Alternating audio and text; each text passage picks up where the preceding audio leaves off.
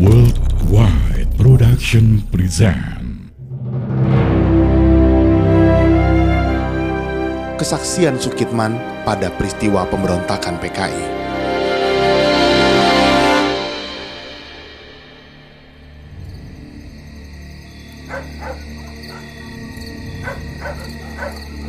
Malam baru saja berganti pagi.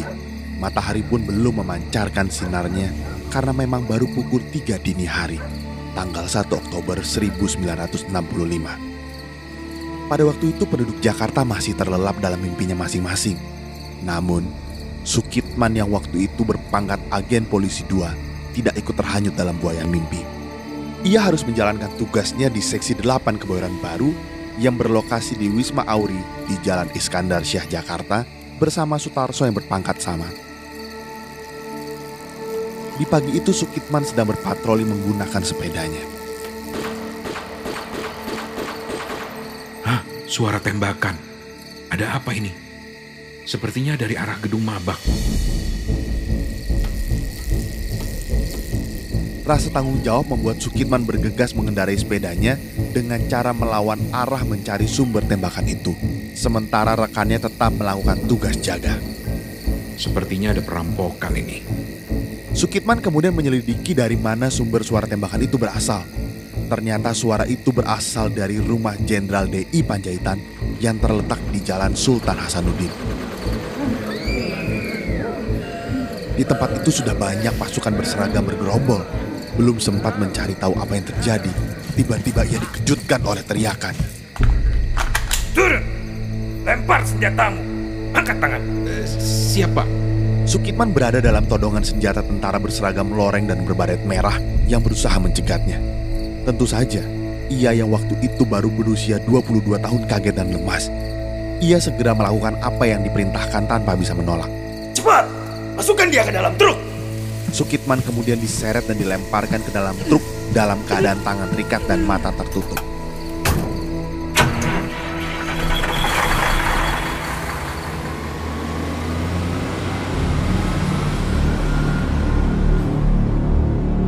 Dengan mengandalkan daya ingatannya, Sukitman berusaha mencari tahu ke mana ia akan dibawa. Begitu dari cawang belok ke kanan, Sukitman mulai kehilangan orientasi. Berbagai perasaan berkecamuk di dadanya. Ya Tuhan, tolong selamatkan aku dari mara bahaya.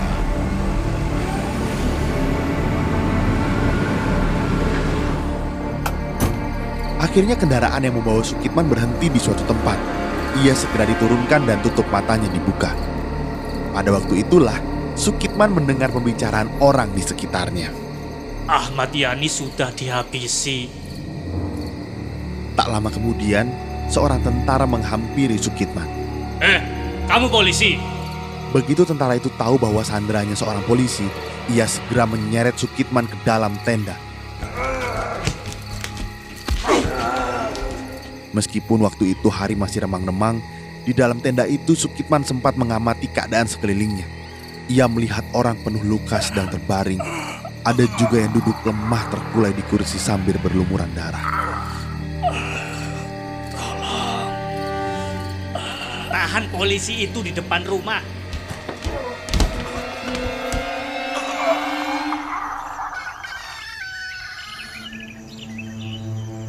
Begitu hari mulai terang, dari jarak sekitar 10 meter, Sukitman bisa melihat dengan jelas sekelompok orang yang mengerumuni sebuah sumur sambil berteriak.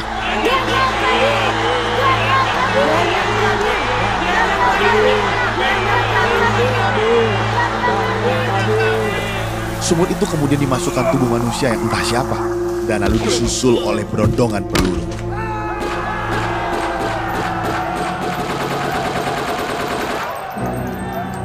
Sukitman sempat melihat seorang tawanan pangkat bintang 2 dalam keadaan hidup mampir sejenak mendekatnya. Tawanan yang ditutup matanya itu kemudian dibuka dan ikatan yang dibebaskan. Di bawah todongan senjata, Sandra itu dipaksa untuk menandatangani sesuatu. Tanda tangani dokumen ini. Aku tidak ingin menuruti kemauanmu itu. Mendapati kemauannya tidak terpenuhi, tentara itu lalu mengikat tawanannya kembali menutup matanya, menyeret dan melempar tawanan itu ke sumur dalam posisi kepala di bawah.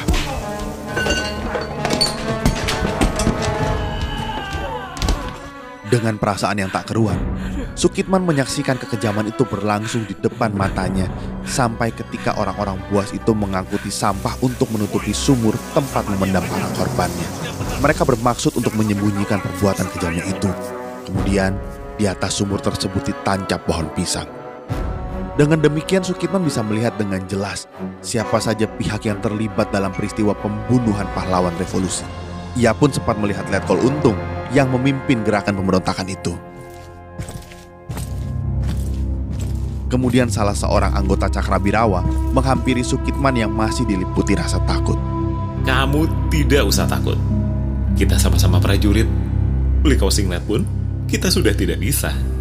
Sementara para jenderal yang menamakan dirinya Dewan Jenderal, jam dinding di rumahnya saja terbuat dari emas. Dan mereka akan membunuh presiden pada tanggal 5 Oktober. Kamu kan tahu, Cakrabirawa tugasnya adalah sebagai pengawal dan penjaga presiden. Mendengar ucapan dari prajurit Cakrabirawa itu, Sukitman merasa agak tenang, meskipun ia masih tetap diawasi.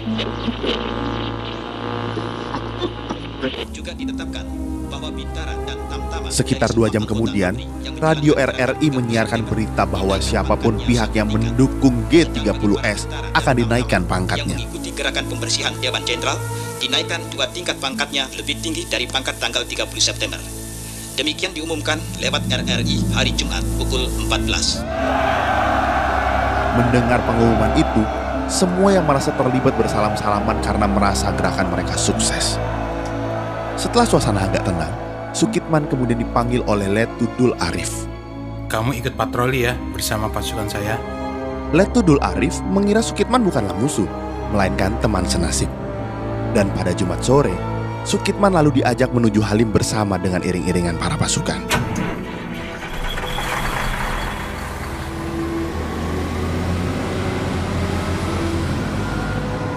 Sesampainya di Gedung Penas, pasukan itu diturunkan di lapangan sementara Sukitman masih bersama Dul Arif.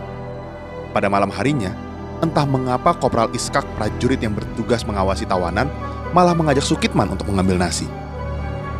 Mau ke mana kita? Ke lubang buaya, tempat para jenderal dibunuh. Dalam perjalanan itu, suasana di sekitar nampak lengang dan sepi. Keadaan masyarakat masih tenang karena belum menyadari apa yang terjadi.